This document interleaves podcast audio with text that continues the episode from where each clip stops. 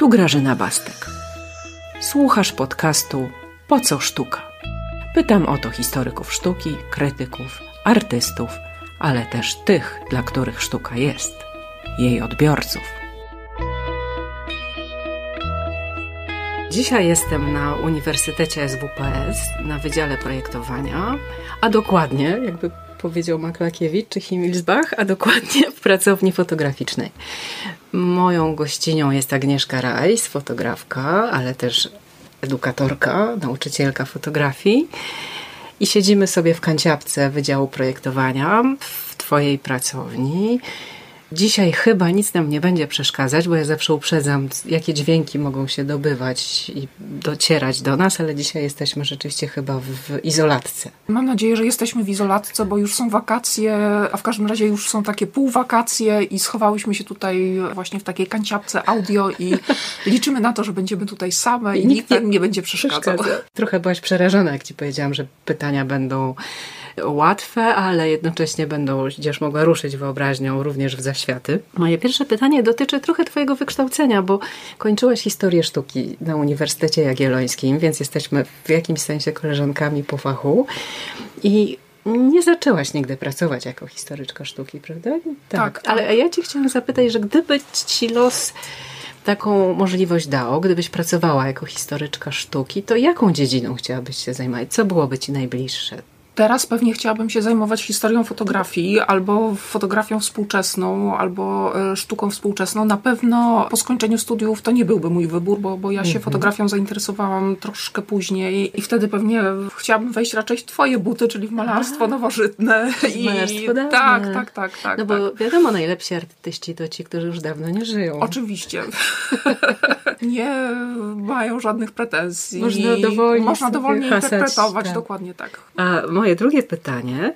Wchodzimy w zaświaty teraz, bo chciałam Cię zapytać, czy jest jakiś fotograf, oczywiście on może też być osobą nam współczesną, ale też możesz sięgać do zaświatów. Czy jest jakiś fotograf, którego byś chciała poznać, z którym byś chciała pracować, którego pracę byś chciała podpatrzeć? Chętnie bym chciała zobaczyć, jak pracowała Julia e, Margaret Cameron. Ten rodzaj portretów i taki rodzaj pracy mógłby być ciekawy. Natomiast wydaje mi się, że współpraca z fotografami mogłaby być jednak e, trudna. Mhm fotografki, ponieważ są to ludzie, którzy pracują często sami i... Nie lubią, jak się patrzy na Nie ręce. lubią, jak się patrzą na ręce, miewają trudne charaktery. No jak wszyscy artyści, dlatego lubimy tych nieżyjących. Dokładnie tak, więc, więc pozostawimy przy tym wyborze, chociaż na pewno chciałabym popatrzeć, no, jak pracują jeszcze inni, ale taki klasyczny mhm. wybór jakoś, jakoś wydaje mi się, że, że, że no, mogłabym się też sporo nauczyć. A trzecie pytanie i tym pytaniem trochę przejdziemy już do naszej zasadniczej rozmowy bo myśmy się poznały, to może powiedzmy od razu, w Muzeum Narodowym w Warszawie. Muzeum zaprosiło Cię do współpracy przy wystawie Stan Rzeczy, to za chwilę o tym opowiemy. Penetrowałyśmy magazyny i moje pytanie jest takie, gdybyś mogła wybrać sobie jakieś muzeum na świecie, dowolne, w którym chciałabyś popracować, w którym mogłabyś, tak jak u nas, wejść do magazynów, do tych tajnych korytarzy i przejść, to jakie by to było muzeum? Muzeum Historii Naturalnej w Nowym Jorku. Mm. znaczy, to jest te, też wybór na dziś, bo to się oczywiście tak. zmienia, ale y, ostatnio myślę właśnie nad tym, czego mi jeszcze brakuje i co do pracy właśnie związanej z muzeami. I jakoś zawsze w którymś momencie przy różnych zakrętach gdzieś to Muzeum Historii Naturalnej w Nowym Jorku wychodzi. Tak. No i myślę, że to byłaby, jeżeli zostałabym tak wpuszczona i tak ugoszczona jak przez mhm. Muzeum Narodowe w Warszawie, to byłaby to bardzo długa, Owocna ale fascynująca praca. praca. No ja znam to muzeum, fascynujące, jedno z największych muzeów historii naturalnej na świecie. Ja znam oczywiście tylko wyższe piętra, bo byłam tam jako zwykła turystka, zwykły gość, więc nie miałam dostępu do tajemnych korytarzy, ale już nawet ta góra jest fascynująca. Zaczyna się od takiej kawal... Byłaś tam? Nie byłam. Nie. Zaczyna się od takiej kawalkady słoni. Jest po prostu stado słoni w ruchu. I to jest hol tego muzeum, takie serce, owalne serce tego muzeum. A wokół tej kawalkady słoni, mm, taksydermicznie przygotowanych, jest coś, co jest charakterystyczne dla tych dawnych muzeów historii, ale nie tylko naturalnej, w ogóle to chyba dla muzeów historycznych, czyli dioramy w których są umieszczone wszystkie zwierzęta akurat Ameryki w naturalnym otoczeniu, czyli Każde statko ma wygrodzoną przestrzeń z przygotowanym jakby takim naturalnym otoczeniem, a otoczone to jest fotografią, która tworzy iluzję wielkiej przestrzeni, przed jakiejś pustyni, stepu, lasu. Prawda? To jest fascynujące. Ja sobie tam, w tamtym muzeum kilka lat temu zadałam pytanie, czy jeszcze my możemy, jak to się mówiło staromodnie, wypychać zwierzęta, czy przygotowywać preparaty taksydermiczne. I zaczęłam sobie o tym też trochę czytać. Boże, ja gadam, no zaraz ci oddam głos. Z przyjemnością posłucham. Przeczytałam wtedy na ich stronie, że oni już oczywiście nie robią tego, co dawniejsi zbieracze, kolekcjonerzy i przyrodnicy, czyli nie, nie wybierają się na ekspedycje, po których wracają z ilomaś tam martwymi zwierzętami, tylko korzystają z tych, które naturalnie umarły, bądź z zoo, tak, zaopatrują czy powiększają kolekcję, a o te, które już mają, zdobyte w tych ekspedycjach i w czasie polowań, oczywiście bardzo dbają, bo stworzenie takiej kolekcji na nowo byłoby czymś niesamowitym, trudnym dzisiaj. Na pewno, na pewno, co też jest bardzo ciekawe, jak się zmienia funkcja tych dioram, na przykład, prawda, jak się zmienia ich odbiór i czemu one służyły kiedyś, a czemu, a czemu służą dzisiaj, czemu wzbudzają takie mhm. pytania ja, ja bardzo mhm. lubię dioramy. Nie są łatwe do sfotografowania, jeżeli już mowa o tej moim kawałku pracy, ale to jest bardzo, nie wiem, jest w tym coś bardzo dziwnego. Dlaczego mając świat, tworzymy sobie jeszcze jego takie iluzje? Tak, z tym, że ten świat był tworzony w XIX wieku. To prawda. Kiedy jeszcze mieszkańcy Nowego Jorku nie podróżowali tak wiele,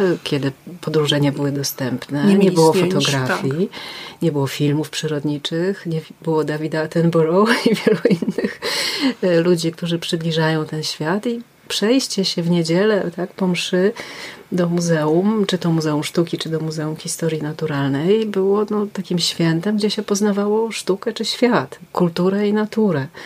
No, dzisiaj jesteśmy w innej sytuacji, dlatego możemy sobie zadawać już dzisiaj to pytanie, zbierać czy nie zbierać. To jest takie hamletowskie pytanie, ale ono pada w tej chwili w przypadku muzeów historii naturalnej. To wróćmy może do tego momentu, kiedyśmy się poznały, to był 21 rok, prawda? Jesień chyba 21 roku, bo wystawa miała miejsce tak, w zeszłym. Tak, tak, tak, tak. Wystawa, przy której się poznałyśmy, to był stan rzeczy, kiedy z magazynów Muzeum Narodowego na 160-lecie wyciągnęliśmy około 200 przedmiotów, niektóre z nich po raz pierwszy wyszły z tych dołów na piętra ekspozycyjne Naszym pomysłem było, abyś do katalogu tej wystawy stworzyła taki jakby reportaż, który ostatecznie nazwaliśmy esejem wizualnym, bo to była jakby opowieść o tym, co zobaczyłaś. I chodziłyśmy po przeróżnych magazynach, a jest ich w muzeum wiele. Razem z Marcinem Wichą, który był też autorem tekstów w katalogu. No i przyznam ci się, że kiedy sobie czasem przypominam ten tekst i oglądam Twoje fotografie, to widzę, że fajnie jest wpuszczać gości do muzeum, bo nagle to miejsce, które już wydaje się nam całkowicie przeźroczyste i znane, nagle widzimy nowymi oczami. Inaczej. I wyście zwrócili nam uwagę na mnóstwo rzeczy, których myśmy już nie widzieli opowiesz o tych wycieczkach, o tym poznawaniu tego podziemia muzeum, bo to jest przecież marzenie każdego. tak, to jest rzeczywiście. Bardzo chciałam z wami pracować. No i był to jakiś rodzaj spełnienia marzenia, chociaż była to też no, charówka.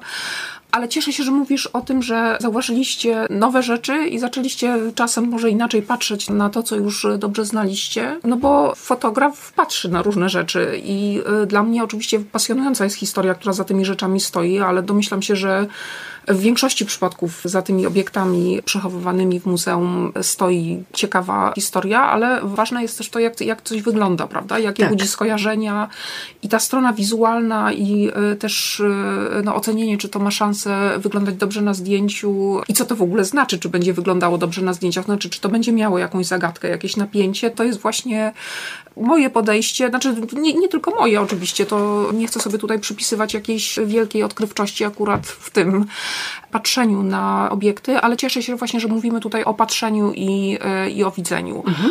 To ja może przypomnę, mhm. albo powiem, ty pewnie wiesz, ale powiemy Państwu, co takiego zobaczyliśmy dzięki Wam. E, na przykład napisy na drzwiach. Na szczęście nikt ich nie wymienił, czyli tak jak one powstały po wojnie w latach 50., 60. XX wieku, tak do dzisiaj one tam są. Czasem są dokładane nowe, współczesne, ale te stare na szczęście się zachowały, łącznie z taką no, starą formą, w jakich one są napisane, jak na przykład osobom obcym wstęp wzbroniony, prawda? Tego typu napisy jeszcze mamy na różnych drzwiach, albo pięknie narysowana fajeczka przekreślona. No one są wspaniałe, te mm. napisy, tak, tak. Ty zwróciłaś uwagę na coś, co my nazywamy w naszym żargonie łazanki. Oczywiście, że pamiętam łazanki. To są te etykiety, które się przyczepia na jakichś sznureczkach, e, na przykład na sznureczkach te... Najczęściej z numerami. Z najczęściej z numerami, dokładnie tak. Dla mnie to jest e, bardzo pociągające, no i oczywiście ze względu na tą formę, no bo czasami te łazanki są stare i wyglądają bardzo atrakcyjnie, prawda, dla współczesnego widza, bo już widzimy tę historię, która się kryje za taką etykietą, ale to jest też taka trochę groźna funkcja muzeum, to znaczy to nam pokazuje te funkcje muzeum, które kataloguje, które przypisuje, które po prostu wkłada do różnych szuflad, do pudełeczek z napisem wiek taki, ten wiek, albo ceramika to dziesięciolecie.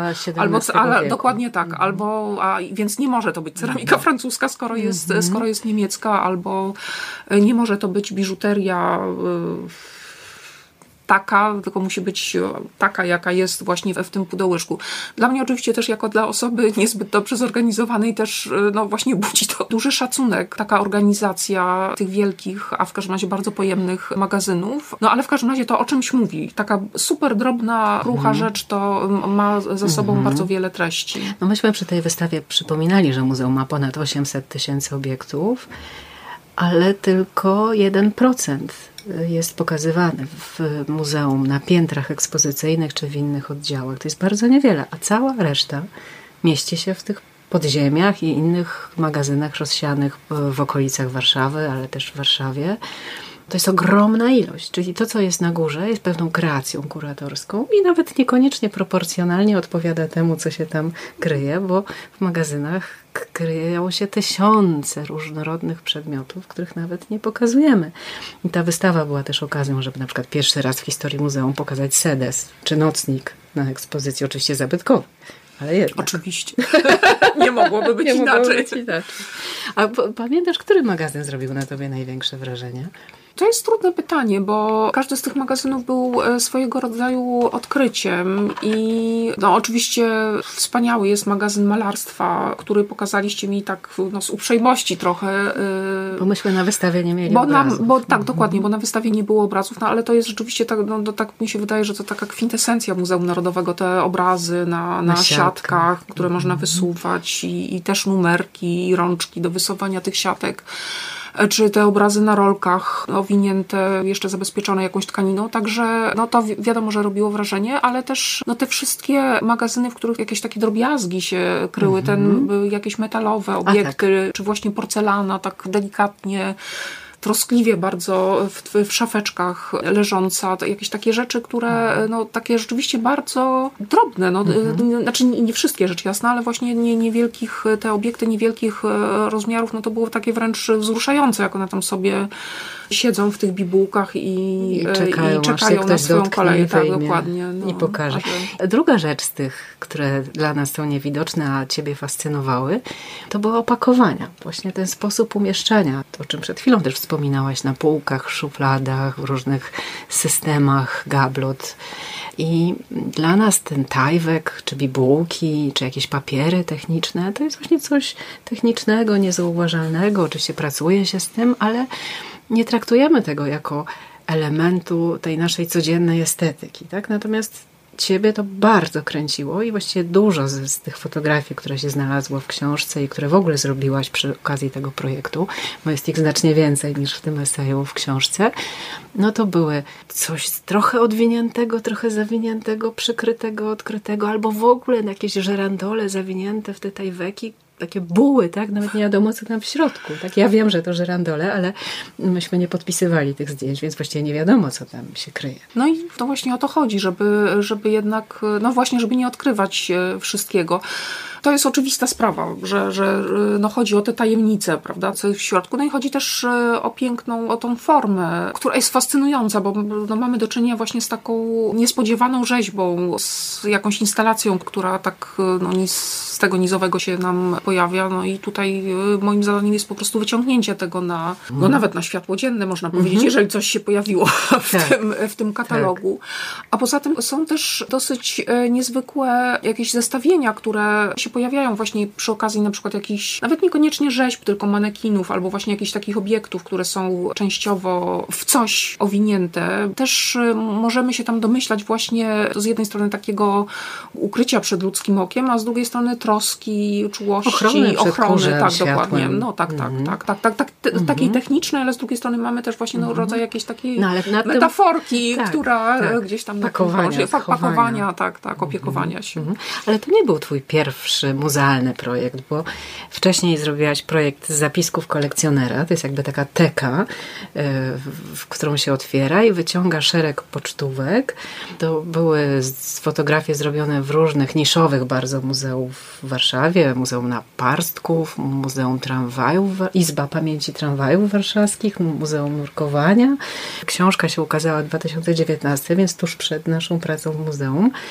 No i tam już te elementy, które wykorzystałaś tak, z obserwacji, już też się znalazły w naszej książce, czyli nie tylko opakowania, nie tylko dziwność różnych przedmiotów, ale też i ręka albo kawałek ludzkiego ciała, który tego obiektu dotyka. To było też, pamiętam, ważne dla Ciebie. Bardzo tak. To znaczy ten projekt, ta te teczka czy teczuszka kolekcjonerska, zapisków kolekcjonera, to jest tak troszeczkę z boku tych innych moich e, muzealnych cykli, bo e, no, ja to też potraktowałam trochę, trudno powiedzieć, że w kategoriach żartu, bo no, ja tutaj sobie z niczego nie żartuję, tylko bardzo e, no, cenię w ogóle ten wysiłek, który ludzie wkładają, żeby żeby coś zbierać, archiwizować, zachowywać, opisywać i pokazywać innym, ale w każdym razie no tam użyłam trochę innego języka mhm. wizualnego, tam zawsze rzeczywiście w większości przypadków pokazuje się ludzkie ciało, takie trochę nie, znaczy nie wiadomo kto to jest, jest głowa, tak. ręka, jest jakaś interakcja pomiędzy tymi obiektami i człowiekiem, no i też e,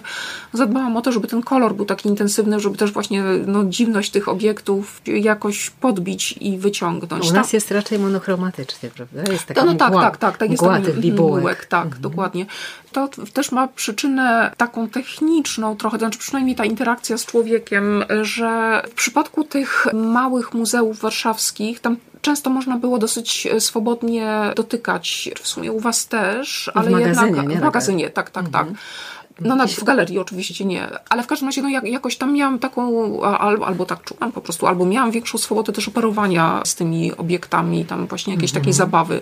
Brałam modela czy modelkę, który no, coś tam mi trzymał, czy podawał, czy przytulał się, czy tak, ale pamiętasz, tak. że baner, który reklamował wystawę i szereg gadżetów, zeszycików i takich magnesów, które wykonaliśmy, wykorzystywały twoje zdjęcie, na którym była ręka pani Justyny, naszej koleżanki z magazynu Tkanin, która trzymała Egretę. Tak. tak? I tak, tam tak, był tak, ten tak, kawałek tak, tam jest ten kawałek i bardzo lubię to zdjęcie. Mhm. I bardzo się cieszę, że akurat ono zostało wykorzystane do tego baneru, plakatu. Tam zresztą jest ta rękawiczka, więc to mhm. też jest właśnie rodzaj takiego opakowania, jakiejś granicy pomiędzy człowiekiem, opiekunem, a tym obiektem. Nie chciałabym się też wdawać w jakieś takie bardzo zaawansowane dywagacje i głębokie, bo to może jest właśnie rola tej drugiej strony, czyli was, tak. teoretyków, żeby jakoś to opisywać, ale w każdym razie no, tam akurat przy tej Egrecie myślę, że to była idealna, też ręka pani Justyny była mm -hmm. idealnym narzędziem do pokazania, podkreślenia tej formy, bo, bo delikatnej, jednak, lekkiej, takiej delikatnej, letniej, tak, mm -hmm. dokładnie. Bo, bo Ta jednak, piękna, szczupła ręka, mm -hmm. tak. I jednak taka egreta leżąca to nie jest egreta no stojąca, właśnie no takie tak, piórko roz, Piórko się musi rozprzestrzenić, tak? Mhm. musi się ruszać, musi być rozłożona. Tam oczywiście w środku tej egrety, która była wykonana z piór czapli, jeszcze tkwiło tak trochę na sztywno piórko pawia z takim pawim no tak. oczkiem. Tak. Więc tam był kolor jeszcze w tej, taki opalizujący, piękny kolor w tej czarnej chmurze z piór czapli, tak, które się właśnie tak ruszały i pod każdym oddechem zmieniały pozycję. Ale w ogóle w tym twoim muzealnym projekcie, bo Muzeum Narodowe jest jednym z wielu muzeów, w których fotografowałaś obiekty. Ten projekt muzealny fascynuje mnie, dlatego że on pokazuje nie tylko te poezje, tajemnice tych skrywanych obiektów, schowanych przed ludzkim okiem. Ono też pokazuje nieprawdopodobną dziwność rzeczy, które ludzkość w historii swojej zbierała. I niektóre z tych rzeczy, to pokazywałaś ostatnio na spotkaniu fotki takie robocze chyba z różnych muzeów, niektóre z tych rzeczy są trochę skrywane jako już te no, którymi się nie chwalimy, prawda? No bo zbiór ludzkich czaszek do badania ras ludzkich albo ciała przestępców, zdeformowane płody, no to nie jest ludzkie oczywiście, to już nie są te części kolekcji muzealnych, które byśmy wystawiali na piętra. Mamy z tym problem i etyczny, i konserwatorski, no i dzisiejsza wrażliwość też już nie znosi takiej dosłowności, a kiedyś był to po prostu element historii, historii nauki, tej wiedzy o świecie. My trochę już zapominamy o tym, że to jest ten element budowania wiedzy i trochę się gorszymy i tak krzywimy, kiedy widzimy te rzeczy.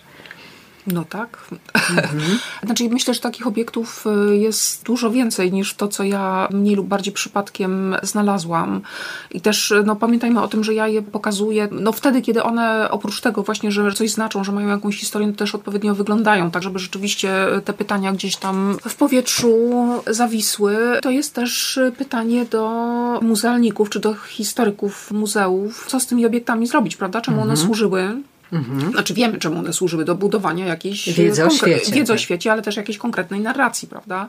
Jeżeli... Też takiej nawet kolonialnej, zdobywania Absolutnie, świata, podporządkowywania tak, Zobaczmy świata. też, jak muzea mhm. wyglądają, te takie mhm. porządne, no imperialne pałace. muzea. To są, to są pałace. pałace. i to są pałace takie pełną gębą, można powiedzieć. Jak się mhm. idzie do takiego, nie wiem, do Kunsthistorisches Muzeum w Wiedniu, no to po prostu nie można się tam czuć bardzo swobodnie, mhm. no bo nie w ten sposób tak. ono zostało zaprojektowane fajnie, że to przywołujesz, bo przecież naprzeciwko Kunsthistorisches Muzeum w Wiedniu jest Naturhistorisches Muzeum. Dokładnie. Identyczny, Identyczny. bliźniaczy mhm. budynek z taką samą monumentalną klatką schodową. Tu się chwalimy, co ludzkość dokonała w dziedzinie sztuki, a tam się chwalimy, co wie o świecie. Dokładnie prawda? tak. Jak zapanowała nad światem. No i zaczyna się też oczywiście od dinozaurów, różnych zwierząt egzotycznych, przywiezionych z różnych stron świata. Ciekawość ludzka zresztą doprowadziła też do wyginięcia bardzo wielu gatunków. I e, no, myślę, że częścią współczesnej wiedzy jest to też, że zdajemy sobie z tego sprawę i poddajemy to mhm. krytycznej mhm. analizie. Ja myślę, że tutaj naprawdę świetnym, nie wiem czy podsumowaniem, ale może właśnie wstępem jest to pierwsze zdanie e, z książki Pomiana, że muzeum to że bardzo dziwne miejsce. Tak. I takie też właśnie no, są często te My obiekty. często udajemy, że te muzea są mniej dziwne niż są w rzeczywistości, bo kiedy zwiedzamy tylko te piętra ekspozycyjne, czy partery i piętra ekspozycyjne, to sobie trochę nie zdajemy sprawy z tego, co się kryje w podziemiach. A w podziemiach kryje się to, czego muzeum nie może, albo też nie chce pokazać, prawda? Albo też nie ma możliwości, bo często ma mniej miejsca na galeriach niż możliwości pokazywania tych eksponatów. Ale ciekawy jest ten element tego wstydu, prawda? Tego niepokazywania, bo trochę już nie wypada, bo nie wiadomo, co z tym zrobić. I e, większość Twoich projektów fotograficznych kończyła się książką bądź wystawą. Czy myślisz, że ten muzealny projekt, bo robisz te fotografie w wielu muzeach e, świata, czy myślisz też o tym, że to się skończy książką? Oj, mam nadzieję. Mhm. Mam nadzieję, że tak będzie i kto wie, być może to będzie już e, niedługo. Ja się rzeczywiście do tego przymierzam, no ale to jest dopiero praca, żeby rzeczywiście mhm. przejrzeć te zbiory zdjęć z magazynów e, muzealnych i ułożyć z tego narrację, która będzie ciekawa i która będzie też odpowiadała tym obserwacjom, które tam e, zrobiłam. Albo z kolei właśnie może będzie e, jakąś narracją, która poprowadzi w jakimś innym kierunku. To wszystko się okaże. Dopiero przy budowaniu książki? No, ten, przy wybieraniu materiału? nie jest tak, że się okaże coś bardzo zaskakującego, no bo jednak mniej więcej pamiętam, co tam sfotografowałam, ale z budowaniem takiej książki jest trochę tak, jak, jak właśnie z wejściem do magazynu. Niby się tam wie, gdzie się wchodzi, ale co tam się odkryje, no tak naprawdę to się okazuje dopiero, kiedy miła osoba y, pokazuje mi to, co tam jest. I mówi, że a, tego to może nie fotografujmy, bo to brzydko wygląda, albo, albo, albo coś w tym rodzaju, albo a to, to proszę sfotografować. Mhm. Więc przy takim grzebaniu e, w zdjęciach też wychodzą różne rzeczy, których no, wcześniej się na przykład nie było świadomym, bo się, no nie wiem, pracowałam w pośpiechu na przykład, żeby skończyć wybór zdjęć do książki, albo tak. po prostu miałam okazję wejść, dokąd się potem to odłożyłam na półkę. I też przy zestawianiu różnych fotografii ze sobą, no one też, niektóre zdjęcia, ich treść zostaje jakoś tam podbita albo złagodzona, albo widać, że coś tam potrzebuje więcej oddechu i też właśnie te treści wychodzą tam mm -hmm. różne rzeczy, których mogłam się y, nie spodziewać. Tak, zresztą tak jak mówisz, jak czasem nawet zestawienie na rozkładówce dwóch rzeczy Dokładnie. już buduje zupełnie, zupełnie nowy, nowo, tak jak na wystawie, prawda? Dokładnie tak, tak. To, to jest właśnie tak, mm -hmm. trochę taka praca jak z wystawą. Pracowałeś z ludźmi, bo twój pierwszy mhm. ten wielki projekt to był American Dream. Tak, tak. Który zakończył się, wieloletni projekt, bo zaczął się w 2005, skończył w 2010, a książka wyszła w 2011. To jeszcze za chwilę o tym powiemy.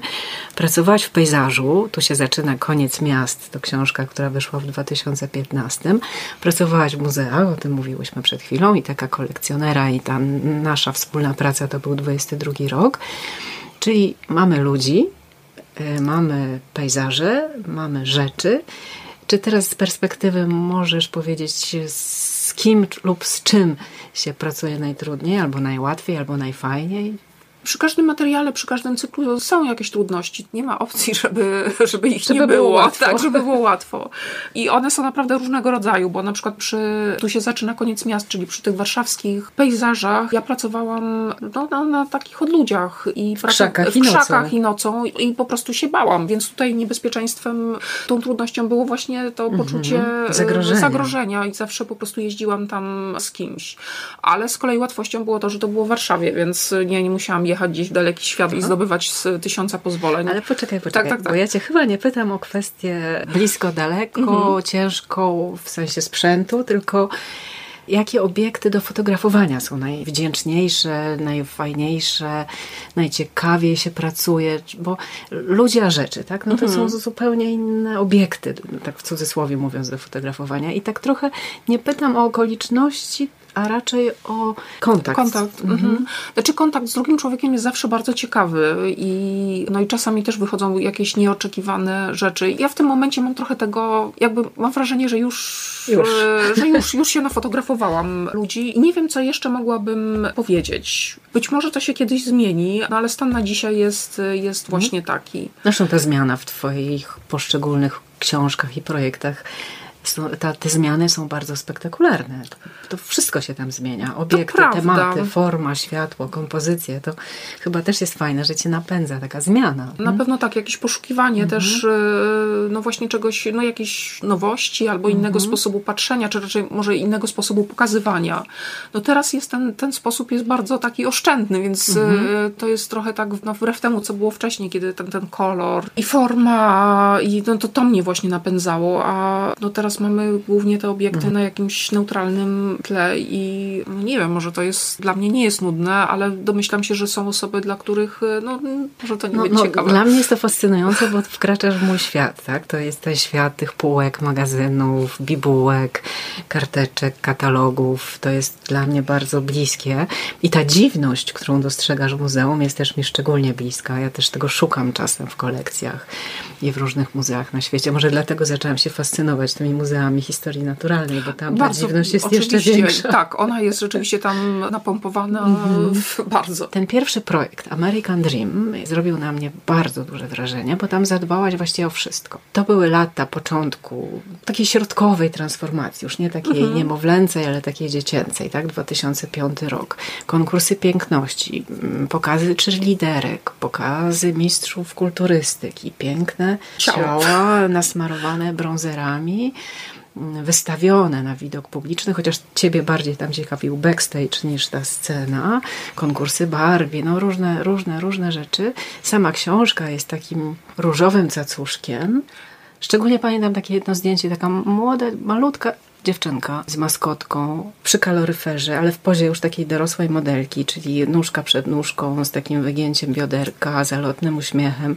Mała dziewczyna, która jeszcze nie wie, co to znaczy być kobietą, ale już pozuje jak taka uwodzicielka. Jednocześnie wszystko jest w takiej bida anturażu, właśnie przy jakimś kaloryferze, jakichś zwalonych rzeczach. Właśnie takie rzeczy mnie uderzyły, kiedy ostatnio oglądałam te zdjęcia. No taka była wizualność e, mhm. tych czasów. Myślę zresztą, że ona często w dalszym ciągu taka gdzie nie gdzie jest a dzieci przybierające pozy modelki, myślę, że to jest y, w tej chwili dużo bardziej obecne niż, niż, niż w tamtych czasach. Zdaję sobie sprawę z tego, że niebezpieczeństwo tego materiału jest y, takie, że no właśnie, że patrzymy na to współczesnymi oczami, a po drugie, że no jednak właśnie popkultura i taki chęć uczestnictwa y, w telewizyjnych spektaklach i programach, no czasami budzi pewien dystans i emocje, ale dla mnie to jednak była taka właśnie, no nie wiem, rodzaj takiego obrazu przejścia z jednego świata w drugi, albo chęci przejścia, prawda? Chęci takiego odbicia się od tej mhm. takiej PRL-owskiej czy post-PRL-owskiej, takiego zamknięcia do mhm. czegoś innego, y, lepszego. Takiej aspiracji po prostu tak. lat 90, przełomu lat 90. Czyli, i 2000. Czyli to, co ja powiedziałam, wynika z tego, że ja nie widziałam tej książki wcześniej, że mhm. obejrzałam te fotografie nie tak dawno i spojrzałam na nie całkowicie współcześnie i bez tej ciekawości, którą ty miałaś wtedy. Tak? Może stąd ten mój taki osąd niesprawiedliwy wobec tego, co się działo tam. Wiesz co, to znaczy ja nie wiem, czy twój osąd jest niesprawiedliwy. Myślę, że pewnym rzeczom nie da się zaprzeczyć i nie da się zaprzeczyć temu, że świat y, po prostu wyglądał inaczej mhm. niż teraz. I dlatego zresztą no właśnie fascynujemy się latami, y, nie, nie wiem, czy fascynujemy się już mhm. latami 90. Tak. prawda? To się odkrywa na nowo. Tak. Więc to jest y, w jakiś sposób naturalna kolej rzeczy. Gdybyś y, pewnie, jeżeli się akurat w tę książkę, czy w inne książki, czy w inne zdjęcia jeżeli się je ogląda e, dłużej, częściej, albo nie wiem, jeżeli się ma z nimi e, częstszy kontakt, albo najlepiej, jeżeli się właśnie miało jakiś kontakt z bohaterami tych zdjęć, no to pewnie się patrzy na to inaczej, a może nie. Może właśnie ta wizualność jest, no może ona jest tak mocna, że, że przeważa. No jest mocna. Jest mocna a okay. myślisz sobie czasem, co oni mhm. teraz robią? O tak, tak, tak, tak, zastanawiam mhm. się. No, dużo bardzo ciekawych spotkań. Kiedyś nawet chciałam wrócić do bohaterów właśnie tych wydarzeń, ale jakoś, jakoś się nie mhm. udało a teraz to już no, chyba nie miałabym na to energii. A powiedz mi, tak jak nawet patrzysz na własne projekty od tych właśnie początku lat 2000 po dzisiaj, czy fotografia się starzeje? Myślę, że różne sposoby, różne wizualności się w ogóle starzeją. Też no, my fotografowie i fotografki oczywiście ulegamy rozmaitym modom, że no nie wiem, ja jestem w stanie rozpoznać, że na przykład jakieś fotografie powstały w latach, no nie wiem, 10 lat temu na przykład. Po czym się to poznaje? Po sposobie obróbki, po kontraście, po użyciu koloru, po użyciu materiału, czy to jest mhm. fotografia analogowa, czy to jest fotografia cyfrowa. Do jakiegoś tam etapu można rozpoznać, czy w jaki sposób się używa fotografii czarno-białej. No, jest mnóstwo różnych takich efekcików też, które na przykład nadużywane bardzo postarzają właśnie, znaczy jakby przyspieszają starzenie się fotografii. Więc to, no, to tak, ona, ona się w którymś w, w momencie się staje właśnie taka trochę, no właśnie te różne sposoby stają się takie trochę, że no nie wiemy co z tym zrobić, a potem jeszcze kolejne 10 lat, no i albo to się sprawdzi, jednak się obroni, albo nie. A interesuje Cię historia fotografii? Te dawne sprzęty, dawne sposoby, style obróbki? I w ogóle, czy na przykład wyobrażasz sobie, że byłabyś fotografką na początku XX wieku? Z tymi wszystkimi szmatkami na głowę, wielkimi kamerami, studiami, parawanami tworzącymi pejzaże, gdybyś robiła Wiesz, to portrety? Co, znaczy tak, to jest technologia. Oczywiście dla nas jest y, trudna, no bo, znaczy dla mnie jest trudna, no bo nie używam jej na co dzień, ale zdarzało mi się fotografować właśnie z taką szmatką. E, używanie parawanów i, i, i, światła dziennego jest bardzo wdzięczne. Więc jestem sobie w stanie wyobrazić siebie pracującą na co dzień w takiej technice. Pytanie Aha. tylko, jak, jak okoliczności, prawda? Czy, czy, tak, czy, czy ktokolwiek by... przychodziłby do twojego ja, na przykład, na przykład, albo czy w ogóle wpadłabym na taki pomysł, żeby, żeby być fotografką. Żeby być fotografką, albo czy miałabym mm -hmm. takie możliwości. No tak. No. To pytanie od razu przekierowuje mnie na, na kolejne zagadnienie, bo żeby być w przeszłości fotografem trzeba było mieć studio, ogromną ilość sprzętu, znać się na obróbce chemicznej, nadążać za technologią, bo fotografia też ewoluowała technicznie. Dzisiaj właściwie niewiele trzeba i jak mm, wszyscy mówią, każdy może być fotografem, każdy ma smartfona i może od razu wrzucić, co zrobił na Instagrama, czyli nie ma takiego progu wejścia. Każdy może zrobić i każdy może od razu opublikować. Kiedyś, aby być profesjonalnym fotografem, w ogóle wejść do świata fotografii, nie tylko trzeba było mieć to zaplecze techniczne, ale też gdzieś publikować, prawda? Teraz już nie ma tej bariery, bo świat social mediów daje nam te platformy do różnorodnego publikowania wszystkiego, co się tylko stryknie mniej lub bardziej umiejętnie. I w takim świecie kto jest profesjonalistą, a kto amatorem? Ja bym odwróciła to mm, pytanie proszę. i zapytałabym raczej, kto ma potrzebę odróżniania amatora od y, profesjonalisty. A dobre pytanie. I na przykład tutaj jest y, też pytanie do ciebie, mm -hmm. czy mhm. jeżeli myślałabyś na przykład o zrobieniu wystawy stan rzeczy albo jakiejś innej i chciałabyś, żeby tam był zawarty esej fotograficzny, to w jaki sposób szukałabyś tej osoby, która by dla ciebie ten esej zrobiła? No, szukałabym kogoś, kto już w tej dziedzinie ma jakieś doświadczenia. Mogłabym zweryfikować jego pracę. No tutaj zachowawczo bardzo bym się zachowała. Nie szukałabym, bo prawdopodobnie też w mojej pracy nie miałabym czasu na to, żeby rozpisać konkurs na fotografię, bo pewnie to byłaby też fajna droga. No, na pewno. Ale to nie są nasze terminy mhm. i nasze możliwości pracy nad projektami, bo mamy zazwyczaj bardzo mało czasu, więc trzeba sięgać po sprawdzonych ludzi, po efekty, które są w jakimś sensie przewidywalne. Oczywiście nie mówię, że zrobiłaś co chcieliśmy, bo to jest wszyscy byliśmy zaskoczeni tą książką, która wyszła, ale no szukałabym w świecie ludzi, którzy już coś pokazali. Czyli jednak jest jakiś próg wejścia. No jest, jest. próg wejścia. No. Ja nie mam nic przeciwko temu, żeby się publikowało, e, że, że się publikuje w ogóle od mhm. razu e, różne rzeczy. Mam konto na Instagramie i bardzo je lubię w ogóle. Znaczy bardzo lubię e, publikować w mediach społecznościowych i myślę, że próg wejścia jednak w dalszym ciągu jakiś jest. Zgadzam się z tym, że wszyscy jesteśmy fotografami w jakiś sposób, ale w dalszym ciągu jest to zawód i trzeba posiadać jakieś umiejętności. Nie mówię nawet o jakimś formalnym mhm. wykształceniu, no tylko właśnie o umiejętnościach, które są sprawdzalne, prawda? Mhm. Czyli, że trzeba po prostu pokazać, że nie tylko filtry na e, Instagramie, które no, też są jakimś rodzajem narzędzia, ale właśnie no, że e, na potrzeby książki na przykład, mm. czy, czy na przykład się umiemy w ogóle myśleć obrazem, fotograficznie, tak? obrazem, mm. prawda, czy jakąś narracją fotograficzną, mm. to też są te bariery, czy, które... Czego uczycie tutaj w tej pracowni? O, mnóstwa rzeczy.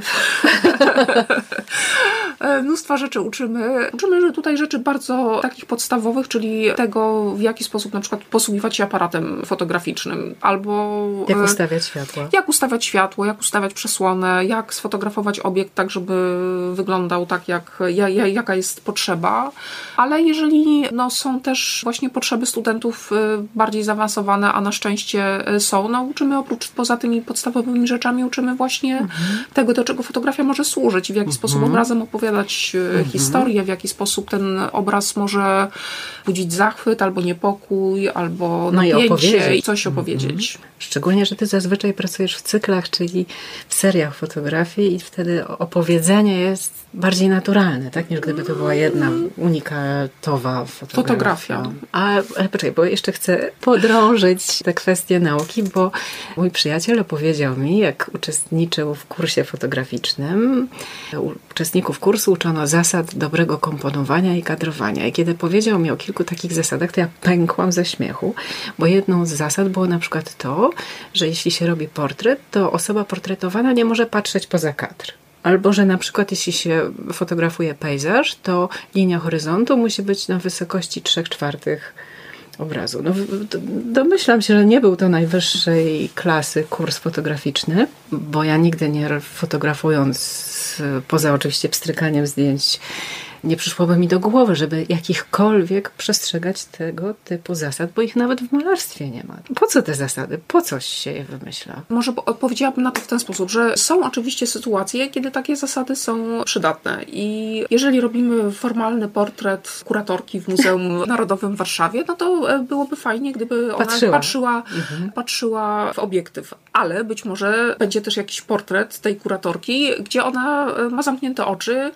albo patrzy w zupełnie inną stronę, on będzie dużo ciekawszy. Albo na przykład o tej kuratorki odwróconej tyłem, prawda? Tak jak zrobiłaś piękne zdjęcie kuratora Bobrowa, który idzie korytarzem i ginie tam na horyzoncie. Na, na przykład. Mhm. Jeżeli fotografujemy jakiś obiekt, no to być może po to, żeby go porządnie pokazać w jakimś katalogu, dobrze, żeby ta linia horyzontu była na mhm. określonej wysokości, niekoniecznie na no, tam 3 czwartej, tylko no, jakiejś określonej. No ale myślę, że nie trzeba się hmm. trzymać tych e, mhm. zasad w każdej sytuacji. Zobacz, że ja właśnie od takiego bardzo intensywnego, dynamicznego komponowania i też budowania obrazu kolorem dochodzę teraz do jakichś takich sytuacji surowych, mhm. syntetycznych i mhm. gdzie tak naprawdę te zasady z jednej strony przestrzegam ich bardzo, prawda? No bo to jest taka, taka fotografia wręcz no, obiektowa a z drugiej strony myślę, że to no przestrzeganie nie ma takiego wielkiego tak, znaczenia. bo czasem nie wiadomo, gdzie się kończy tło, a gdzie się zaczyna ta przesłonka, bibułka czy tkanina, która przesłania jakiś obraz, to tworzą się takie światy, takie właśnie trochę wyłaniające się, nie wiadomo z czego. To jest bardzo ciekawe. Dlatego ja trzymam kciuki za ten projekt muzealny, który mnie bardzo fascynuje i czekam na tę książkę. Będziesz pierwsza, która się o tym dowie. dziękuję, bardzo dziękuję, dziękuję. Agnieszko za rozmowę. Ja również Dzięki. bardzo dziękuję. To już wszystko w tym odcinku podcastu Po co sztuka. Możesz go słuchać na Spotify lub w innej ulubionej aplikacji. Jeśli chcesz wiedzieć więcej o sztuce, o malarstwie i jego tajnikach, ale też o wszelkich rzeczach dziwnych i ciekawych, zapraszam do Galerii Osobliwości Grażyny Bastek na stronie grażynabastek.pl oraz na Facebooku i Instagramie.